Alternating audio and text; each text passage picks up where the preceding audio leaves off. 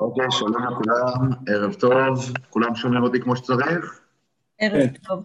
אוקיי, ערב טוב. אה, אנחנו נמצאים במלכים אה, א' בפרק ט"ו, ואנחנו אה, עצרנו באמצע עניינו של עשה, עשה מלך יהודה. אנחנו בעצם, כמו שאני כבר הסברתי, ספר מלכים באופן שהוא בנוי, צריך להבין את החטיבות שלו, החטיבות הספרותיות שלו, אז אנחנו יודעים שיש את הפרקים הראשוניים, 11 פרקים, שהם פרקי שלמה המלך, שאותם למדנו באריכות רבה.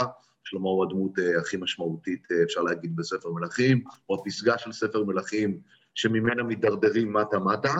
יש אה, אחרי זה את פרקי המעבר, אני קורא לזה, שזה הפרקים שאנחנו נמצאים בהם, שהם אה, מתחילים בפרקים אה, י"ב, י"ג, י"ד וגם ט"ו, כאשר עוד מעט, וזה החל מפרק י"ז זה יהיה, אנחנו נגיע לפרקי אליהו, ואחרי זה אנחנו נלמד את פרקי אלישע, שזה בעצם, אפשר להגיד, הסיפורים המרכזיים של ספר מלכים. אנחנו כעת, מה שנקרא, ואני מקווה שהיום אפילו נצליח לעשות את זה, אנחנו נסיים את המלכים שנמצאים בין תקופתו של שלמה לתקופתו של אחאב. אחאב הוא בעצם הדמות המרכזית הבאה של ספר מלכים. כמו שאנחנו רואים, המלכים שעכשיו אנחנו לומדים עליהם אה, זוכים לתיאור מאוד קצר בספר מלכים. רחבעם עצמו, אגב, גם שלא נטעה, הוא לא זוכה לתיאור רחב. רחבעם, הסיבה היחידה שהוא זוכה לתיאור רחב, זה כי אנחנו למדים איך ירובעם עלה למלכות. אז אה, אנחנו בעצם לומדים את הסיפור של ירובעם, לא של רחבעם. רחבעם עצמו, אנחנו ראינו, זכה ממש לכמה פסוקים. אה, אה, שמתארים את המלכות שלו. ואני אומר, הממוצע של התיאור של שלושת המלכים שאנחנו עוסקים בהם כעת, שזה רחבעם, אחר כך אביה, הבן של רחבעם, ואחר כך הנכד שאנחנו באמצע לטפל בו, שזה עשה, הממוצע של התיאור הוא ממש בין עשרה לעשרים פסוקים, וזה הכל. מסיבה זו באמת בשיעורים האחרונים, אה, אנחנו אה, קראנו, דפדפנו כל הזמן בין ספר דברי הימים לספר מלכים, בגלל שהתיאור הוא כל כך קצר. אני כמובן חוזר ומזכיר שספר מלכים הוא הספר שעוסק ברובו במלכות ישראל, לעומת ספר דברי הימים שעוסק ברובו במלכי יהודה, ולכן אותם מלכים שזוכים אצלנו לאזכורים יחסית קצרים, שם בספר דברי הימים מקבלים באמת אריכות, ואנחנו למדים, כמו שאומרים, דברי תורה עניים במקום אחד ועשירים במקום אחר, אז אותם סיפורים אנחנו למדים על זוויות חדשות אה, מה, אה, מספר דברי הימים. וגם פה במקרה של עשה, אנחנו למדנו שבספר מלכים עשה אה, מתואר, ואגב, זה מעניין לראות שיש תמיד דבר והיפוכו. המלכים שאנחנו קוראים אותם בספר מלכים והם נראים לנו כצדיקים גדולים, כשאנחנו פותחים בספר דברי הימים, אנחנו רואים שהעסק אה, טיפה מורכב. דווקא אצל רחבעם ואביה, שזה האבא והסבא של אסא, אנחנו ראינו שספר מלכים נתן להם ציון מאוד נמוך, ודווקא ספר דברי הימים נתן להם ציון קצת יותר גבוה, אנחנו רואים. ולכן אנחנו למדים מזה שבדיוק אה, אה, יצא לי השבוע לדבר עם הבן הקטן שלי, בן שש, אז אצל ילדים אנחנו רואים שתפיסה של מישהו שהוא טוב, אז הוא טוב לגמרי, ומישהו שהוא רע, הוא רע לגמרי, ולוקח זמן להבין שזה טיפה יותר מורכב, שיש רשעים שיש להם נקודות טובות, ויש צדיקים שיש להם נקודות לא טובות, אז זה, זה באמת, כמו שאנחנו יודעים כבר, המציאות היא לא בינארית, זה לא שחור לבן. אני חושב שדווקא הדפדוף בהסתכלות בין ספר דברי הימים לספר אה, מלכים, מלמדים אותנו על המורכבות הזאת, על זה שאין כאן הסתכלות חד-ממדית. מי כתב ספר דברי הימים? עזרא הסופר. עזרא הסופר. אנחנו דיברנו על זה כבר בעבר, שספר דברי הימים הוא ספר אופטימי. הוא ספר שעזרא סופר, התפקיד שלו זה לעודד את העם ולתת להם את התקווה שיש להם אפשרות בבית שני להקים דברים גדולים, ולכן זווית ההסתכלות שלו היא זווית אופטימית. ספר דברי הימים הוא ספר פסימי. הוא ספר שכותב אותו ירמיהו הנביא בחורבן, שבעצם שם הוא אה, מספר לנו את הזווית של איך הגענו למצב כל כך קשה, ולכן הוא בהחלט הרבה יותר פסימי מאשר ספר דברי הימים, באופן כללי כמובן, אני אומר. אה, עכשיו, אנחנו נמצאים בפרק ט"ו, ואנחנו ראינו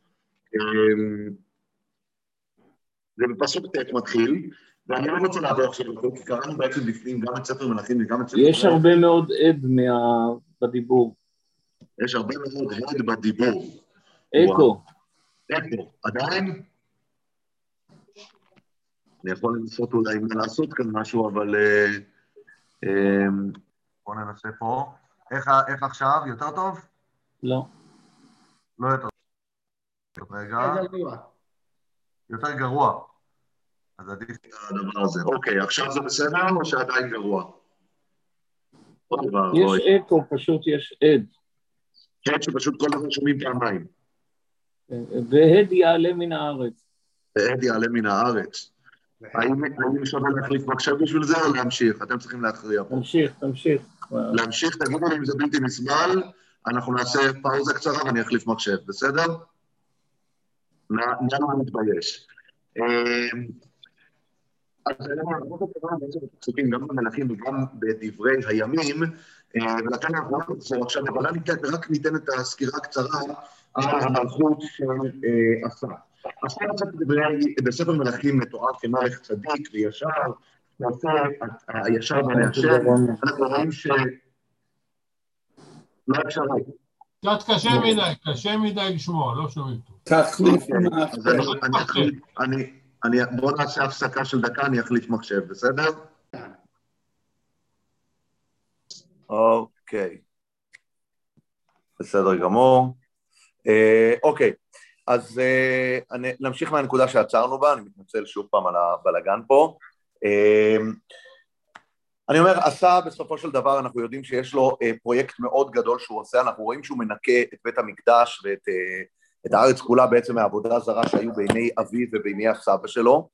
אמ, ואנחנו אה, למדים גם שהוא מחריט את המפלצת שעשתה אימו, אה, אה, אנחנו רואים את הגבירה, יש שם את מאחה אימו ביצירי המגבירה, ואנחנו יודעים שבסופו של דבר בימיו יש מלחמת אזרחים קשה בינו לבין מלכות ישראל, שזה דבר שראינו שאפיין גם את התקופה של אבי ואביה, שבתקופה שלו אנחנו רואים שממלכת ישראל וממלכת אה, יהודה לא מסתדרות כל כך אחת עם השנייה. אמ, רגע, אחד, אני מנסה לייצב פה את המצלמה בצורה כזו או אחרת. אוקיי. אה, בימיו אנחנו יודעים שהוא אה, הולך אחר כך ומשלם שוחד לבן הדד כדי שיעלה וילחם בממלכת ישראל. אותו בן הדד באמת עולה ונלחם בממלכת אה, ישראל, כובש להם כמה ערים, ובסופו של דבר אה, אנחנו יודעים שממלכת ישראל נסוגה מהמקום שהיא הייתה בו, היא איימה עליו מהצפון, אנחנו יודעים שיש כמה ערים שהוא משתלט עליהם, זה פחות או יותר התיאור שיש לנו בספר מלכים. בספר דברי הימים אנחנו למדנו שיש דרמה אחרת מאוד משמעותית בכל החיים של עשה מלך יהודה. אנחנו למדים שאותו עשה שנזכר בדברי, בספר מלכים, קודם כל למדנו שהיה בימיו מהומות, היה אה, מלחמות, לא היה שקט בדרכים, ואנחנו אפילו סידרנו את זה באופן כרונולוגי, כי בספר דברי הימים זה קצת מבולבל באופן כרונולוגי, אבל סידרנו את זה כך שתחילת ימיו של עשה היו ימים קשים. זה אותם ימים שספר דברי הימים אומר עליהם, באמת אה, ביטויים קשים, זה נשמע ממש שהארץ אה, אה, נמצאת בסוג של חורבן, אפשר להגיד. הנה, אני אקרא לכם את הפסוקים האלה, רק כדי לחזור על הדברים האלה, זה בפרק ט"ו. וימים רבים לישראל ללא אלוהי אמת, וללא כהן מורה, וללא תורה, וישב בצר לו על השם אלוקי ישראל, ויבקשו וימצא להם, ובעתים ההם אין שלום ליוצא ולבא, כי מהומות רבות על כל יושבי הארצות. וחוטטו גוי בגוי, ועיר בעיר, כי אלוהים עממם בכל צרה. קיצור, אנחנו רואים תיאור של תקופה קשה, ואנחנו הסברנו שכנראה מה שאנחנו קראנו בספר דברי, זה סוג של סיכום, אבל אה, אה, האמת היא שהיה כאן מה שנקרא כל מיני עליות ומורדות בימיו של עשה. עשה מלך 41 שנה, זה הרבה זמן, זו תקופה ארוכה שהיה בה עליות ומורדות, ואנחנו יודעים שהוא מתחיל מהתחתית. כי הוא יורש ממלכה שכבר שתי דורות שיש בה עבודה זרה. אותה עבודה זרה שנכנסה לארץ בתקופת שלמה, אה, המשיכה בימי הסבא שלו רחבעם ובימי האבא שלו אביה, וכעת הוא אה, בתחילת ימיו עשה עדיין יש את כל העבודה הזרה הזאת, ובעקבות זאת המצב לא טוב. אחר כך אנחנו יודעים שעשה, עושה מהפכה אה, דתית מאוד מאוד אה, אה, גדולה, ובעקבות אותה מהפכה דתית הוא מנקה את ירושלים, הוא מסיר את הגבירה, הכוונה היא את אותה מאחה בת מלך שקשורה לממלכת גשור, מאחה בת אבשלום, שהכניסה עבודה, גם הייתה קשורה כנראה לעבודה זרה הזו, והוא גם מבטל את התקן שלה שנקראת הגבירה, הוא גם מחטט את המפלצת הזו, והוא עושה מהפכה דתית. המהפכה הדתית הזאת מתוארת בספר דברי הימים בצורה מאוד מפורטת. הוא ממש כורת ברית חדשה עם הקדוש ברוך הוא. אנחנו יודעים שבתנ"ך, דיברנו על זה, יש כמה וכמה מקומות שיש בריתות. יש ברית של עשה שהוא כורת פה אחרי תקופה קשה, יש את הברית של חזקיהו, יש את הברית של יואש, יש את הברית של יאשיהו. זה אחד מהדברים שבולטים וחוזרים על עצמם בספר מלכים, שכאשר מגיעים מלכים שעולים לגדולה אחרי מלכים רשעים או תקופה שהיה בה ירידה רוחנית, הם כורתים ברית, הם עושים טקס קבלת עול מלכות שמיים, שכל עם ישראל מקבל על עצמו את ה... באהבה את הקשר מחדש עם הקדוש ברוך הוא, אה, ואנחנו רואים שאחר כך יש דבר מאוד מעניין, שיש מלחמה שלא נזכרת בכלל בספר מלכים, המלחמה מול זרח הכושי, המזרח הכושי אנחנו תיארנו איך הוא מגיע ממצרים עם צבא אדיר של מיליון חיילים, אותו צבא יש לעשה ישועה מאוד גדולה, וכנראה עוד פעם, המסר כאן בספר דברי הימים שהישועה מגיעה בעקבות המהפכה הדתית. זאת אומרת, אתה מתנהג בסדר והקדוש ברוך הוא עושה לך חסד. ובסופו של דבר, אחרי הניצחון הזה, הוא יודע לקחת את השלל ולהשתמש בו כדי לחדש את אוצרות בית השם. אנחנו דיברנו גם על זה שבסוף ימיו קראנו שעשה משחד את בן הדד, המלך הארמי מהצפון, אם כן, אנחנו שאלנו מאיפה יש לו את הזהב הזה, הרי הסבא שלו, רחבעם, כבר השתמש בכל הזהב אה, כדי אה, לשחד את אה, שישק, מלך מצרים, שיעלה מעליו, אז הסברנו שהזהב שהוא, לקח ממצ... שהוא, שהוא נתן למצרים, חזר אליו כעת במלחמה של זרח הכושי, שכמו שאמרנו היה מלך מצרי בעצמו כנראה על פי המחקר, ועכשיו עשה זוכה בכסף מחדש, אבל הוא משתמש בכסף הזה למטרות רעות בסופו של דבר. חלק משמעותי מהכסף הוא השתמש בו לחדש את בית המקדש, אבל חלק אה, אה, נוסף הוא אה, משתמש בו כדי אה, לקחת אה, את הכסף ולשחד את המלך הצפוני, כדי להילחם בממלכה הצפונית. אחיו ה- הישראלים מצפון משלמים כסף כדי שמלך זר יבוא ויילחם בהם, כדי להסיר את האיום מעליו מהצפון. אה, זה מה שאנחנו למדנו בספר דברי אוקיי. הימים, פחות או יותר. עכשיו, יש כמה בעיות שאנחנו צריכים לטפל בהן בהקשר של עשה, ונטפל בהן, ננסה לטפל בהן אחת אה, לפי הסדר. הבעיה הראשונה הייתה בעיה משפחתית. אנחנו לומדים בספר מלכים בפרק ט"ו, בפסוק א', אה, כתוב, כתוב כך, ובשנת שמונה עשרה למלך ירבעם בן נבט מלך אביים על יהודה, שלוש שנים מלך בירושלים, ושם אמו מעכה בת אבי שלום. זאת אומרת, אנחנו למדים שהאימא של אביה, שהיא הסבתא של עשה, קראו לה מעכה בת אבי שלום.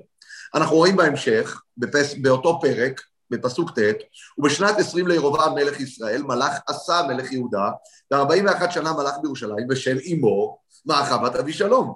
אז מעכה בת אבי שלום היא אימא של עשה, או סבתא של עשה? זו השאלה שיש לנו פה. אנחנו בעצם למדנו שיש לנו גם סתירה משולשת פה. למה?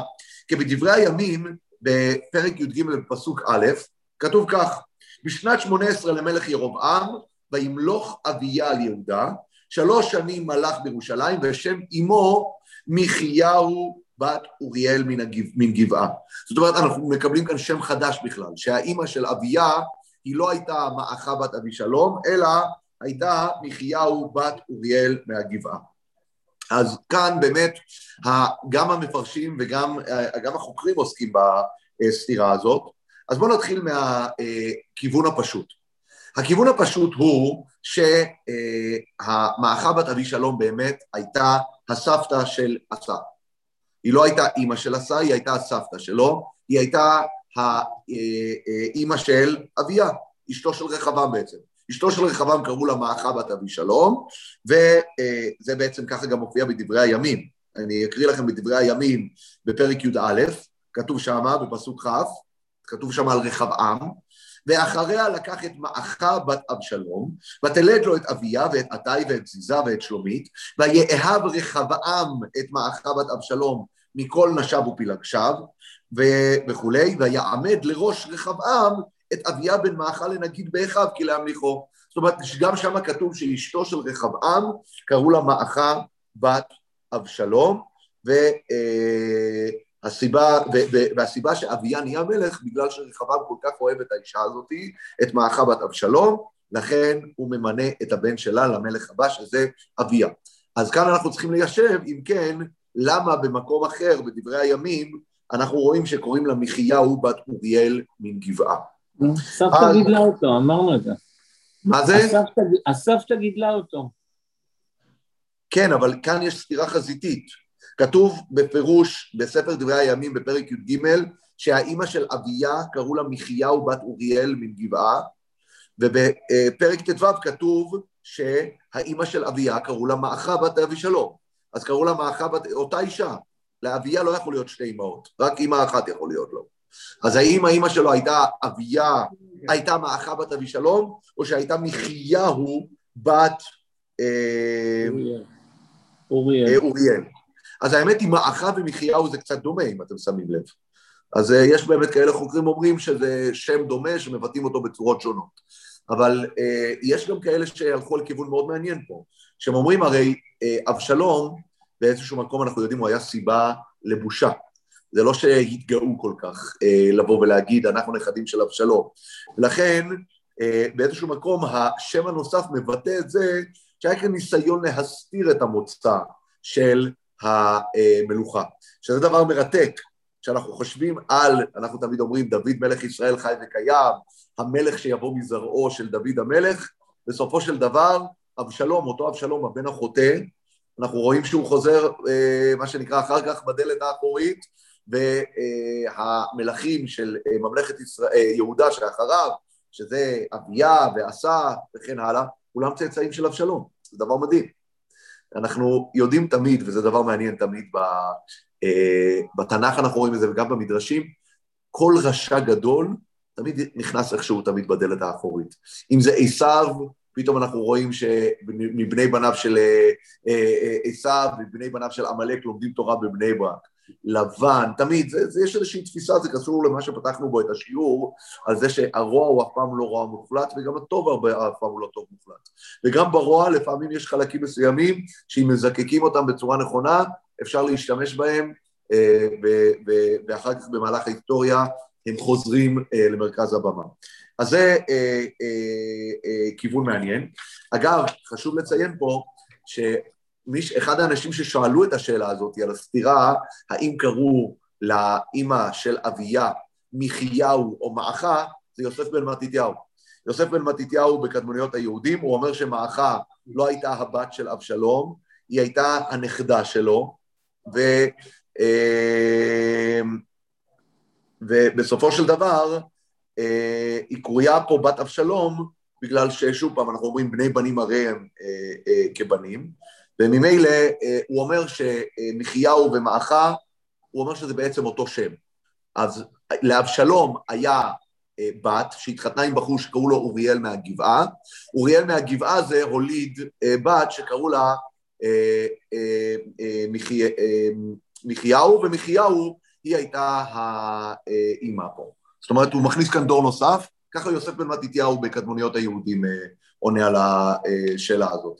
בכל מקרה, אחד מהדברים שאנחנו כן רואים על אותה מחייה או מעכה, איך שלא קוראים לה, זה שהיא הכניסה כאן אה, עבודה זרה אה, לתוך המערכת, היה כאן איזושהי מפלצת להשערה שהיא עשתה, שבסופו של דבר עשה, כחלק מהתיקון הדתי שהוא, שהוא עשה, אנחנו אומרים מה עשה עשה, כן? צריכים לשים לב מה עשה עשה, איך מנקדים את המשפט הזה, אפשר לנקד, לנקד את זה בכמה צורות, נכון? מה עשה עשה. Uh, בכל מקרה, uh, אז uh, הוא ניקה את העבודה הזרה והוא גם הצליח להיפטר מאותה מפלצת. עכשיו, אם נסכם כאן קצת ונדבר על המלכות של עשה בכללי ונוכל אחר כך ונוכל להתקדם, אנחנו יכולים לראות שהמלכות של עשה מסתיימת בטון מאוד מאוד צורם. כי בספר דברי הימים אנחנו רואים שקודם כל הוא נענש שהוא היה חולה ברגליו, שהוא היה לו חולי ברגליו. אנחנו רואים גם שהוא, אה, כמו שאמרנו, אה, הוא השתמש בכספים שהוא לקח כשלל מזרח הכושי כדי לשחד את הממלכה הצפונית, שזה ממלכת הארמים, להתערב כאן אה, בעניין הזה. ובסוף אנחנו רואים שלמרות שהוא מתואר כמלך צדיק, יש כאן איזושהי בעיה עם ההתנהגות שלו. אחד מהדברים שבולטים אגב פה, זה העיר שנכבשת בצפון על ידי מלך ארם. כי העיר שנכבשת בצפון על ידי מלך ארם, אם תשים לב איזה עיר זאת, היא נקראת אבל מאחה. Uh, הנה, אנחנו יכולים לראות את הרשימה של הערים שנכבשו, הנה אני שנייה לדפדף לספר uh, מלכים, אז אנחנו רואים שאחד מהמלכים שכובש בן הדד, כאשר uh, הוא uh, באמת uh, מקבל את השוחד uh, מעשה, אז uh, אנחנו רואים וישמע בן הדד אל המלך עשה, וישלח את שרי החיילים אשר לו על ערי ישראל, ויח את איון ואת דן ואת אבל בית מאחה. למה זה כל כך משמעותי שהוא אה, כבש את אה, אבל אה, בית מאחה? מכיוון שהעיר הזאת הייתה, אנחנו רואים במקומות אחרים, היא הייתה עיר ואם בישראל, ממש. אה, אנחנו רואים ש... אה, זה העיר הזאתי, כאשר אה, אה, בסוף ספר שמואל אה, א', יש את המרד של שבע בן בכרי, אנחנו רואים ששבע בן בכרי לאן הוא נמלט בידי דוד המלך? הוא נמלט לעיר אבל בית מעכה, כאשר שרים שם על העיר ועומדים להחריב את כל העיר, יש את האישה החכמה שמה שעומדת ומצילה את כל העיר, נכון? מה היא אומרת לו? אנחנו נהרוג את שבע בן בכרי ונזרוק אותו. אבל כשהיא אומרת ליואב, את שר הצבא שמה, את הנאום המרגש שלה, היא אומרת, אתה מבקש להמית עיר ואם בישראל, למה תבלע נחלת השם? ככה היא אומרת. זאת אומרת, העיר הזאת היא אבלת בית מעכה, אתה רואה ממקורות אחרים שהייתה עיר משמעותית. והעיר המשמעותית הזאת היא הייתה בצפון, והיא הייתה באזור אצבע הגליל, והעיר הזאת, שהיא עיר חשובה, בסופו של דבר, היא עיר שנחרבת. היא עיר שנחרבת, ולכן אנחנו צריכים לשים לב שיש כאן משהו קצת מורכב. כי מצד אחד עשה הצדיק גורם לחורבן של עיר ואם בישראל. אנחנו יודעים שמי שכתוב שרואה רואה ערי יהודה בחורבנם צריך לעשות קריאה, כאן אומנם זה לא ערי יהודה, זה ערי ישראל, כן? זה לא ממלכת יהודה, אבל זה לא משנה, יש כאן עיר ואם בישראל שנחרבת על ידי גורם זר, ובסופו של דבר אנחנו יודעים שהוא בעצמו עשה, לוקח את העיר, אה, את גבע, בנימין ואת המצפה, ואותם הוא כן בונה. ככה כתוב אצלנו בספר מלכים א', למה? כי הוא מצליח בסופו של דבר לנצח את באשה במלחמת האחים שהייתה ביניהם, הוא מצליח לגרום לבאשה לסגת ולשחרר את הערים האלה שבאשה כבש, את גבע ואת המצפה שמה, ואותם הוא כן הולך ובונה. אז הוא מצד אחד עשה, מחריב ערים בצפון, אבל הוא בונה ערים בדרום. אז אנחנו רואים, זו סיטואציה קצת מורכבת אה, שעשה נמצא בה, ולכן אני אומר, אם נסיים כאן את העניין הזה, נגיד ש... בספר מלכים עשה מוזכר כמלך צדיק, אנחנו לומדים בספר דברי הימים שבאמת הוא עשה מהפכה דתית יוצאת דופן, מצד שני יש לו אה, נקודות אה, שלא עמדו לזכותו, אה, גם זה שהוא הכניס מלך זר, גם זה שהוא אה, אה, אה, בסופו של דבר כתוב שבסוף ימיו הוא דרש ברופאים והוא לא סמך על הקדוש ברוך הוא, זה גם דבר שעמד לו לרועץ, אבל אנחנו כן רואים אגב בסוף ספר דברי, בסוף הסיפור שלו, בספר דברי הימים, יש ביטוי מעניין. הוא המלך היחיד שכתוב שכשהוא נפטר, היה דרמה מאוד מאוד מאוד גדולה. כתוב שם כך, אני אקריא לכם מה כתוב, אה, כאשר עשה הולך לעולמו, כתוב, וישרפו לו שרפה גדולה, ככה כתוב, שזה ביטוי לזה שכנראה היה שם איזשהו אירוע, היה שם לוויה ענקית, אני קורא את זה. וישכב עשה עם אבותיו, וימות משנת 41 למולכו, ויקברו בקברותיו אשר קרא לו בעיר דוד, וישכיבו במשכב אשר מילא בשמים אוזנים מרוככים במרקחת מעשה, וישרפו לו שרפה גדולה עד למאות. זאת אומרת, הלוויה שלו, הוא המלך היחיד שנזכר אצלו הביטוי הזה, הייתה לוויה מאוד משמעותית. ושוב פעם, למה?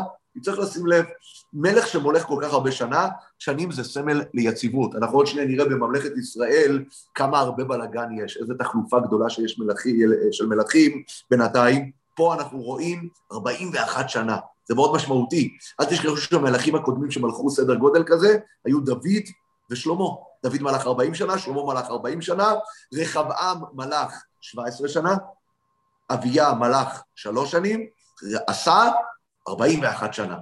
41 שנה הוא בעצם המלך שמלך, מולך עד כה ביהודה הכי הרבה, זה משמעותי, זה מותיר חותם, במיוחד מלך שהיה לו מפעלי בנייה, מלך שעשה מהפכות דתיות, וכשהוא הולך לעולמו, מרגישים את זה, עושים לו לוויה מאוד מאוד גדולה, מספד גדול. עכשיו אנחנו נעבור בספר מלכים, וכמו שאמרנו, אנחנו קופצים עכשיו מממלכת יהודה לממלכת ישראל. המלך הבא, אגב, במלך, במלכות יהודה, זה כתוב כאן בפסוק האחרון, אני קורא את זה. אה, בפסוק כ"ד, וישכב עשה עם אבותיו, ויקבר עם אבותיו בעיר דוד אביו, וימלוך יהושפט בנו תחתיו. אנחנו נדבר עוד באריכות בהמשך הפרקים על יהושפט, כי יהושפט, אפשר להגיד, אם אתם רוצים לקבל כאן איזשהו מבנה, אז אפשר להגיד שמלכות יהודה בנויה ככה. שני מלכים טובים, שזה בעצם דוד ושלמה, כאשר בסוף ימי שלמה יש את הנפילה. יש שני מלכים בעייתיים, שזה רחבעם ואביה, רחבעם ואביה. אחר כך אנחנו מגיעים לימי עשה ויהושפט, ובימי עשה ויהושפט הם מלכים צדיקים, שניהם. שניהם, ספר מלכים נותן להם ציון יפה, ציון גבוה, הם מלכים צדיקים, אבל אנחנו רואים שיהושפט בסופו של דבר מתעלה על אביו. כי בעוד שעשה מנהל מלחמות מול הממלכה הצפונית, סוחר ממלכות חיצוניות להילחם בהן, יהושפט, אנחנו נראה, הוא ישתף פעולה עם ממלכת ישראל, הוא יבוא איתה בקשרי חיתון, הוא יעלה ביחד איתה להילחם עם ארם. אמרנו, ההיפוך הכי גדול שיכול להיות בין עשה לבין יהושפט, זה הדבר הזה. עשה צריך ללכת, הולך לגורם זר, משלם לו כדי להילחם עם אחים שלו, מי זה הגורם הזר הזה? ארם, יהושפט ילך עם האחים שלו כדי להילחם בארם. זה נראה לי תמצית כל ההבדל המשמעותי הזה שיש בין עשה לבין יהושפט, אבל עוד נדבר ביהושפט רבות. בואו נמשיך כאן בפרקים, אנחנו בפרקים א', פרק ט"ו, פסוק כ"ה. ונדב בן ירובעם מלך על ישראל בשנת שתיים לעשה מלך יהודה, וימלוך על ישראל שנתיים. ויעש הרע בעיני השם וילך בדרך אביו ובחטאתו אשר החטיא את ישראל. שוב פעם אנחנו רואים בן שמולך תקופה קצרה. גם רחבעם הבן שלו מלך שלוש שנים, גם ירובעם הבן שלו רק שנתיים מולך. ויקשור עליו באשה בן אחיה לבית יששכר, ויכהו באשה בגיבטון אשר לפלישתים, ונדב וכל ישראל צרים על גיבטון. אנחנו נראה שזה אחד הדברים שחוזרים על עצמם, שהזמן שבהם, בו יש מהפכות ויש מרידות, זה כאשר עסוקים במלחמה. כאשר יש מלחמה מול גורם זר, בדרך כלל המוסדות השלטון לא דפוסים היטב, וזה הזמן שבו גורמים פנימיים יכולים לנצל את זה כדי לעשות מרד. וגם פה אנחנו רואים שנדב וכל ישראל צרים על גיבטון, ובאשה מנצל את הדבר הזה, והוא מורד בנדב. וימיתהו באשה בשנת שלוש לעשה מלך יהודה, וימלוך תחתיו. ויהי כמולכו היכה את כל בית ירבעם, ולא השאיר כל נשמה לירבעם עד השמידו, כדבר השם אשר דיבר ביד עבדו אחיה השילוני. למי הוא דיבר את זה? לאשתו של ירבעם, אתם זוכרים בפרק י"ד. על חטות ירבעם אשר חטא ואשר החטיא את ישראל בכעסו אשר הכעיס את השם אלוקי ישראל, ויתר דברי נדב וכל אשר עשה, הלא הם כתובים על ספר דברי הימים למלכי ישראל. ומלחמה הייתה בין עשה ובין באשה, מלך ישראל, כל ימיהם. זה הסיכום. הם נלחמו כל הזמן שהם היו. בשנת שלוש אני ממשיך. בשנת, אין כאן כל כך הרבה מה להגיד על נדב, נדב בסופו של דבר הוא, אפשר להגיד, הסרח העודף של מלכות ירבעם, שבסופו של דבר ממש זמן קצר מולך, לא מספיק אפילו להותיר חותם, כאשר באשה מורד בו ונהיה מלך. בשנת שלוש לעשה מלך יהודה, מלך באשה בן אחיה על כל ישראל בתרצה עשרים וארבע שנה. ויעש הרע בעיני השם וילך בדרך ירבעם ובחטאתו אשר החטיא את ישראל. אגב, אני לא אכנס כאן לעניין הזה, אבל אני רק מציין, יש כאן בעיה של סתירות כרונולוגיות על ההקבלה בין מלכות עשה לבין מלכי ישראל, יש סתירות גם בין דברי, דברי הימים, לבין מלכים. אני רק מעיר את זה כהערה, אני לא ניכנס לדבר הזה, אני לא עכשיו אפרוס לכם את כל ציר הזמן כאן ואיפה הוא אה, נסתר, אבל אה, מי שרוצה בזמנו הפנוי אה, לעקוב אחרי הדבר הזה, יש כל מיני מאמרים על הנושא הזה, אבל לא נספיק לעסוק בזה במסגרת הזאת. אני ממשיך. ויעש הרע בעיני השם וילך בדרך ירבעם ובחטאתו אשר החטיא את ישראל. אני כאן נמצא בפרק ט"ז פסוק א'. ויהי דבר השם אל יהוא בן חנני על באשה לאמור. זאת אומרת, אנחנו מקבלים כאן עכשיו, מתוודעים לנביא חדש. עד עכשיו הנביאים שעסקנו בהם היו אה, אה, אחיה השילוני, אנחנו פגשנו את איש האלוהים שבא מיהודה כדי לנבא על ירבעם, עכשיו אנחנו פוגשים נביא. ואני מדגיש שוב פעם, כדי שנשים לב לעניין הזה, אה, שרוב הנביאים שאנחנו נראה כאן, הם נביאים שפועלים במלכות ישראל. אנחנו פגשנו במלכות יהודה נביא אחד שניבא, וזה היה לרחבעם, וקראו לו הנביא שמעיה, שהוא אמר לרחבעם לא לעלות להילחם כנגד אחיו שהתפצלו ממנו, ורחבעם כמובן הקשיב לו, אז זה מאוד מעניין כאן לשים לב ל, ל, ל, לתפקיד של נביאים, כי אני חושב שאחד מהנושאים המרכזיים שילוו אותנו לאורך כל ספר מלכים, זה מערכות היחסים שבין נביאים לבין מלכים. אגב, אני עכשיו נזכר גם, כי לא ציינו את העובדה הזאת, אחד מהדברים שמופיעים אצל עשה, המלך הקודם שעסקנו בו בספר דברי הימים, זה נביא שבא לנבות לו, ונביא שכעס עליו, על המלחמה שהיה לו מול אחיו, ועשה, לא רק שהוא לא מקבל את הנבואה שלו, אותו עשה, המלך הצדיק, שם אותו במהפכת, שם אותו בכלא. זאת אומרת, אנחנו למדים כאן איזשהו... אה, אה, אה, הנה, אני קורא. היה שם אה, אה, נביא שבא להוכיח, חנני הרועה קראו חנני הרועה בא להוכיח את עשה על ההתנהגות שלו, וכתוב שם, ויכעס עשה אל הרועה ויתנהו בית המהפכת, כי בזף עמו על זאת וירצץ עשה מן העם בעת ההיא. בכל מקרה, אנחנו רואים שעשה שם נביא בכלא. אותו עשה הצדיק שדיברנו עליו, שם נביא בכלא. זה פרקטיקות שאנחנו נפגוש אותן עוד.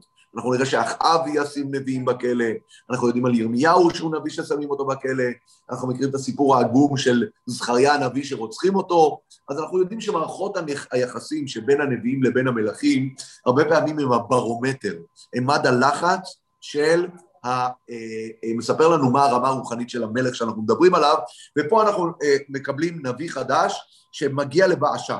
ויהי דבר השם אל יהוא בן חנני על באשה לאמור. יען אשר הרימותיך מן העפר. כן.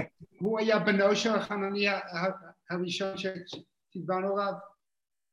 חנני, יכול להיות. יכול להיות, למרות שצריך לשים לב, חנני ניבא בממלכת יהודה. כאן יהוא מנבא בממלכת ישראל. אני חייב אגב להעיר על מה שאתה אומר, אחד מהדברים המרתקים שאנחנו נראה לאורך כל ספר מלכים גם, זה שכשאנחנו רואים שמות, פתאום הם חוזרים על עצמם אצל אנשים אחרים.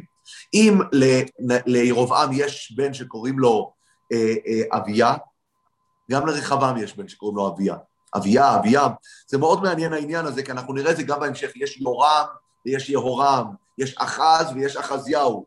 שזה אנשים שנמצאים בשושלות שונות לגמרי, שלעיתים הם במלחמת אחים ביניהם, ועדיין השמות הם אותם שמות. וגם פה, כשאנחנו רואים שיש נביא שקוראים לו יהוא בן חנני, אנחנו יודעים שבאותה תקופה, פחות או יותר, יש נביא שקוראים לו חנני הרועה. שזה קצת אה, שנקרא, אני, אם הייתי יכול לתרץ את זה בצורה פשוטה, הייתי אומר שזה כמו בימינו. גם בימינו, אם תבדקו לפני 70 שנה, נתנו שמות מסוימים, והיום נותנים שמות מסוימים, נכון? היום אנחנו רואים כל, אה, יש בנות שקוראים להן יאלי וטל וזה, ולפני 70 שנה היה ורדה ויוכבד וחפציבה, נכון? אז שמות יש להם גם איזשהו מימד אה, אה, תקופתי, וכנראה שגם פה יש את העניין הזה. אולי יש לזה משמעויות מעבר לזה, אני לא יודע, אבל זו תופעה שחוזרת על עצמה, אנחנו רואים תמיד ש, שיש שמות שפתאום יש תקופה שהשמות נתפסים. והשמות מופיעים אצל אנשים שלא קשורים אחד לשני באותו זמן, שזה מעניין. במיוחד זה בולט בשמות של המלכים בשושלות השונות.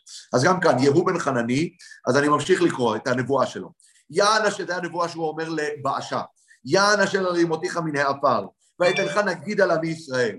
ותלך בדרך ירבעם, ותחטיא את עמי ישראל להכניסני בחטאותם, הנני מבעיר אחרי באשה ואחרי ביתו, ונתתי את ביתך כבית ירבעם בן נבט. ואנחנו מבינים פה את זה כי זה חוזר על עצמו. באשה מתמנה למלך. עכשיו, שימו לב, זה דבר שדיברנו עליו, וחוזר אה, אה, על עצמו, שיש דברים שקורים במציאות. באשה מורד בנדב בן ירבעם והופך למלך. אבל אנחנו יודעים להגיד שמאת השם הייתה זאת. זאת אומרת, הדברים קורים באופן טבעי, אבל הקדוש ברוך הוא מכוון את ההיסטוריה מלמעלה. וכאן, אותו באשה, יהוא הנביא מגיע אליו ואומר לו, תשמע, אתה חושב שאתה נהיית מלך כי אתה גיבור גדול, כי אתה, יש לך אסטרטגיה? לא, אתה בסך הכל היית כלי משחק בידיו של הקדוש ברוך הוא כדי להכרית את בית ירובעם. וההכרתה של בית ירובעם קרתה בגלל הנבואה של אחיה השילוני. ואתה היית כלי משחק פה שנועדת להוציא לפועל תוכנית אלוקית, אבל הייתה לך פה הזדמנות. אם אתה היית הולך בדרכי השם, היית יכול להיות מלך גדול ולהישאר במקומך. אבל אתה הפכת את המרד הזה שלך למרד שהוא לא משרת את התוכנית האלוקית, כי אתה המשכת ועשית בדיוק את מה שירובעם עשה. אם אתה עושה את מה שירובעם עשה, אז יקרה לך בדיוק מה שאתה רוצה לירובעם, כי זה חסר ערך לגמרי, כל התהליך שאתה עשית, וזה באמת מה שכתוב כאן. הנני מבעיר אחרי באשה ואחרי ביתו, ונתתי את ביתך כבית ירובעם בנבט. כבית ירובעם בנבט, כי אתה באמת עשית מה שהוא עשה, זה מה שכתוב, ותלך בדרך ירובעם. המת לבאשה בעיר יאכלו הכלבים, והמת לו בשדה יאכלו עוף השמיים. וזה מאוד דומה, ממש כמעט אחד לאחד, אותה נבואה שאחיה אומר לירובעם דרך אשתו, זה בדיוק מה שקורה לבאשה, כי אתה לא יותר טוב ממנו. אתה לא יכול להחליף את ירובעם ולטעון לכתר אם אתה מתנהג בדיוק כמוהו. וישכב באשה עם אבותיו ויקבר בתרצה, וימלוך אלה בנו תחתיו. וגם ביד יהוא בן חנני הנביא דבר השם היה אל באשה ואל ביתו, על כל הרעה אשר עשה בעיני השם להחיצו במעשי ידיו, להיות כבית ירבעם ועל אשר היכה אותו. בשנת 26 לשנה, לעשה מלך יהודה, מלך אלה בן באשה על ישראל בתרצה שנתיים. שוב פעם זה חוזר על עצמו, תשימו לב, שזה מאוד בולט, שמלכים שלא מתנהגים בסדר, הילדים שלהם הולכים זמן קצר. רחבעם, הבן שלו, אה, אה, הוא לא הלך בדרכי השם, וגם הבן שלו כך נהג, היה מלך שלוש שנים. אנחנו רואים שהבן של ירובעם מלך שנתיים, הבן של באשה גם כן, מולך שנתיים. וימלוך על ישראל בתרצה שנתיים. ושימו לב עכשיו מה קורה, כי אנחנו בעזרת השם עד תשע ורבע שנסיים, אנחנו, המטרה שלי זה להגיע למלכות עומרי, כדי לסיים כאן את הפרק הזה של אה, ספר מלכים שאנחנו אוחזים בו. אה, ויקשור עליו עבדו זמרי שר מחצית הרכב, והוא בתרצה שותה שיכור בית ארצה אשר על הבית בתרצה. ויבוא זמרי ויכהו וימיתהו בשנת עשרים ושבע לעשה מלך יהודה וימלוך תחתיו. ויהי במולכו כשבתו על, זה, על כסאו, היכה את כל בית באשה לא השאיר לו משתין בקיר וגואליו ורעהו, וישמט זמרי את כל בית באשה כדבר השם, אשר דיבר אל באשה ביד יהוא הנביא, אל כל חטאות באשה וחטאות אלה בנו, אשר חטאו ואשר החטיאו את ישראל להכעיס את השם אלוהי ישראל באבליהם, ויתר דברי אלה וכל אשר עשה, הלא הם כתובים על ספר דברי המלכים, הימים למלכי ישראל. בקיצור, זמרי, שהוא שר מחצית הרכב. מה זה שר מחצית הרכב? הוא בעצם אתם צריכים להבין שהיה כאן שני שרי צבא, ועוד שנייה נפגוש את שר הצבא השני. יש את שר הצבא שהוא נמצא בקרב, הוא נלחם מקדימה, בפר, בפרונט מה שנקרא, ויש את השר שאחראי על הרזרבות. שר מחצית הרכב, זמרי, הוא השר שהוא אחראי על הרזרבות הצבאיות, ולכן איפה הוא יושב? הוא יושב בתרצה. תרצה היא עיר הבירה של ממלכת ישראל, ואותו שר מחצית הרכב, זמרי, נמצא שם. בואו בוא נשים לב מה קורה. בשנת 27, אני ממשיך לקרוא, כי זה ממש קשור למה שקראנו עכשיו. בשנת 27 שנה לעשה מלך יהודה, מלך זמרי שבעת ימים בתרצה, והעם חונים על גיבטון אשר לפלישתים. שוב פעם אנחנו רואים שמתי קורה המרד? המרד קורה כאשר יש מלחמה מול גורם חיצוני. בגיבטון אשר לפלישתים העם יושב, כן? שזה ממש כמו שקורה במרד הקודם של אה, באשה, כן? גם המרד של באשה קורה, אה, אה, הנה אני חוזר לפסוק כ"ז בפרק הקודם, ויקשור עליו באשה בן אחיה לבית יששכר ויכהו באשה בגיבטון אשר לפלישתים, כן? זאת אומרת, זה אותה סיטואציה כמעט שחוזרת על עצמה, כן? אותו באשה שהיכה את אה, הנדב בן ירבעם בגיבטון בפלישתים, באותו מקום בדיוק קורה המרד, מתפתח המרד אה, כנגדו, והבן של באשה אלה אה, נופל על ידי שר מחצית הרכב שקוראים לו זמרי, אה, וזה קורה בעיר הבירה, כאשר באותו זמן יש מלחמה, והמלחמה היא בגיבטון מול פלישתים. וישמע העם, שימו לב מה קורה כאן, זה דבר מרתק. וישמע העם אחרונים לאמור, קשר זמרי, וגם היכה את המלך. מה קורה פה? שימו לב, יש כאן שתי זירות שונות. יש את זירת הקרב, ששם יש שר צבא אחר, לשר הצבא הזה קוראים עומרי, עוד שנייה נדבר עליו הרבה, עומרי, הוא השר הצבא הגדול, הוא הרמטכ"ל, הוא נלחם מול פלישתים בגיבדון. יש את השר הצבא השני, שהוא כנראה סגן הרמטכ"ל, קוראים לו שר מחצית הרכב, הוא קוראים לו זמרי, והוא לא מגיע לקרב, הוא יושב בעורף, הוא יושב בתרצה שהיא עיר הבירה. וכשהוא יושב בתרצה, הוא מנצל את המצב הזה שמצד אחד יש, uh, הצבא עסוק במלחמה מול פלישתים, מצד שני המלך הזה הוא מלך כנראה מושחת, הוא שיכור, אנחנו רואים, המלך הזה יושב שותה שיכור בית ארצה, הוא כנראה מלך לא מתפקד. מה עושה זמרי?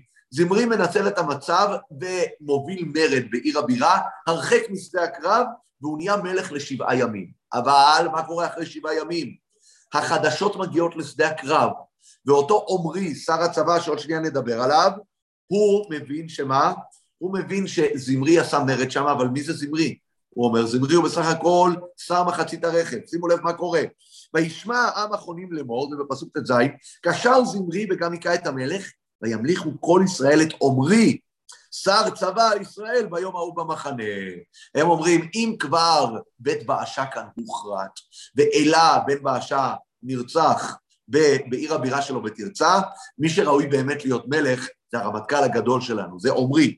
ואז הם ממליכים אותו כולם, ויעלה עומרי וכל ישראל עמו בגיבדון, ואנחנו מבינים גם שעומרי הוא זה שיש לו את הכוח הצבאי, הוא הרמטכ"ל, הוא זה שנמצא בשדה הקרב, ויצורו על תרצה, ויהי כראות זמרי כי נלכדה העיר, ויבוא אל ארמון בית המלך, וישרוף עליו את בית המלך מלך באש, וימות. זמרי בעצם מתאבד, הוא מוותר על המלוכה, ו... אה, ויהי כראות, אני ממשיך, ומה קרה על חטאותיו אשר חטא לעשות הרע בעיני השם, ללכת בדרך ירובעם ובחטאתו אשר עשה להחטיא את ישראל, שזה אגב פסוק מאוד מוזר. זמרי היה מלך בסך הכל שבעה ימים.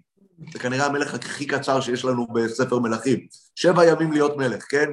אבל אה, שימו לב מה כתוב עליו, שהוא החטיא את העם והוא הלך בדרכי ירובעם, ושימו לב מה כתוב פה בפסוק כ', ויתר דברי זמרי וקשרו אשר קשר הלא הם כתובים על ספר דברי הימים למלכי ישראל. מה, של, מה שמלמד אתכם, אם נהיית כבר מלך, אתה מלך. גמרנו. גם אם שבעה ימים היית מלך, זהו, קיבלת כבר את הטייטל, כיוון שעלה שוב לא ירד, אתה זוכה למקום של כבוד בספר דברי הימים למלכי ישראל, אפילו אפשר לדבר על המורשת שלך, זה כמו במדינת ישראל, גם אם היית נשיא או ראש ממשלה לזמן קצר, עדיין אתה זכאי על פי החוק לבית מורשת ראש הממשלה הזה, אתה מקבל כבר מורשת, קבר בחלקת גדולי האומה, יש אה, כללים, מה שנקרא, וגם זמרי, שימו לב מה זה שבעה ימים, וכבר זוכה למה שזוכה מלך רגיל. בואו נראה מה קורה, מה קורה מיד אחרי שעומרי נהיה המלך, נהיה המלך הבא. אז יחלק העם, העם מישראל לחצי. חצי העם היה אחרי תבני בן גינת להמליכו, והחצי אחרי עומרי, עכשיו נכנס, נכנסת כאן דמות חדשה, יש כאן בלגן, זה בעצם מה שאנחנו צריכים להבין כאן מהסיפור. יש בלגן. מהרגע שבאשה עוזב את השטח, הוא היה מלך, כמו שאמרנו, 24 שנה, אחריו הבן שלו אלה מולך שנתיים, אחרי זה יש מלך, שזה זמרי, שר מחצית הרכב, שהוא מולך שבעה ימים, אחרי זה עומרי נהיה מלך, אבל תוך כדי זה שעומרי נהיה מלך, כבר יש מישהו שמערער על מלכותו, וזה תבני בן גינת. ויחזק העם אשר אחרי עומרי את העם אשר אחרי תבני בן גינת, וימות תבני וימלוך עומרי. אנחנו לא יודעים הרבה על תבני בן גינת הזה, אבל הסיבה שמספרים לנו פה זה כדי להגיד שיש כאן המון המון המון זעזועים. שבעצם מה זה אומר לנו, וזה אפשר להגיד ההקדמה הכי טובה שתהיה לנו לקראת השיעור הבא. שאת כל הבלגן הגדול הזה, שתשימו לב, במלכות ישראל כמה מלכים כבר היה. היה לנו את ירבעם, היה לנו את נדב, היה לנו את באשה, היה לנו את אלה, הבן שלו, היה לנו את זמרי, שמלך שבעה ימים, יש לנו את תבני בן גינת, שחצי העם היה אחריו תקופה מסוימת, היה מלחמת אחים, ואז מגיע עומרי. שבעה מלכים, כן? בזמן הזה, בממלכת ישראל, שלושה מלכים בסך הכל. מי זה? רחבעם, אביה ועשה, ועוד אביה, כמו שאמרנו, מלך שלושה, אה, שלוש שנים בסך הכל, אז אה, באמת אה, זה כבר ילמד אותנו גם מה שהולך להיות בהמשך. התחלופה בממלכת ישראל היא תמיד תמשיך להיות גבוהה, בממלכת יהודה יש יציבות, אבל זה מסיים עכשיו תקופה של טלטלות גדולות בממלכת ישראל, כי עכשיו לפנינו אנחנו הולכים להיכנס לתקופה של בית עומרי. בית עומרי, מדובר כאן כבר על שלשלת יציבה, הם ימלכו יותר ממאה שנה, הם ייצרו בריתות בינלאומיות, הם אה, אה, אה, יגיעו להישגים כלכליים וצבאיים, אבל על זאת ועוד אנחנו נצטרך לחכות לשיעור הבא שלנו, ואחרי שאנחנו נראה את בית עומרי מתבסס, אנחנו גם נלמד איך אליהו הנביא בעצמו, ואלישע מתחילים אה, מה שנקרא את תקופת נבואתם ואת התגובה האלוקית לממלכת עומרי. תודה.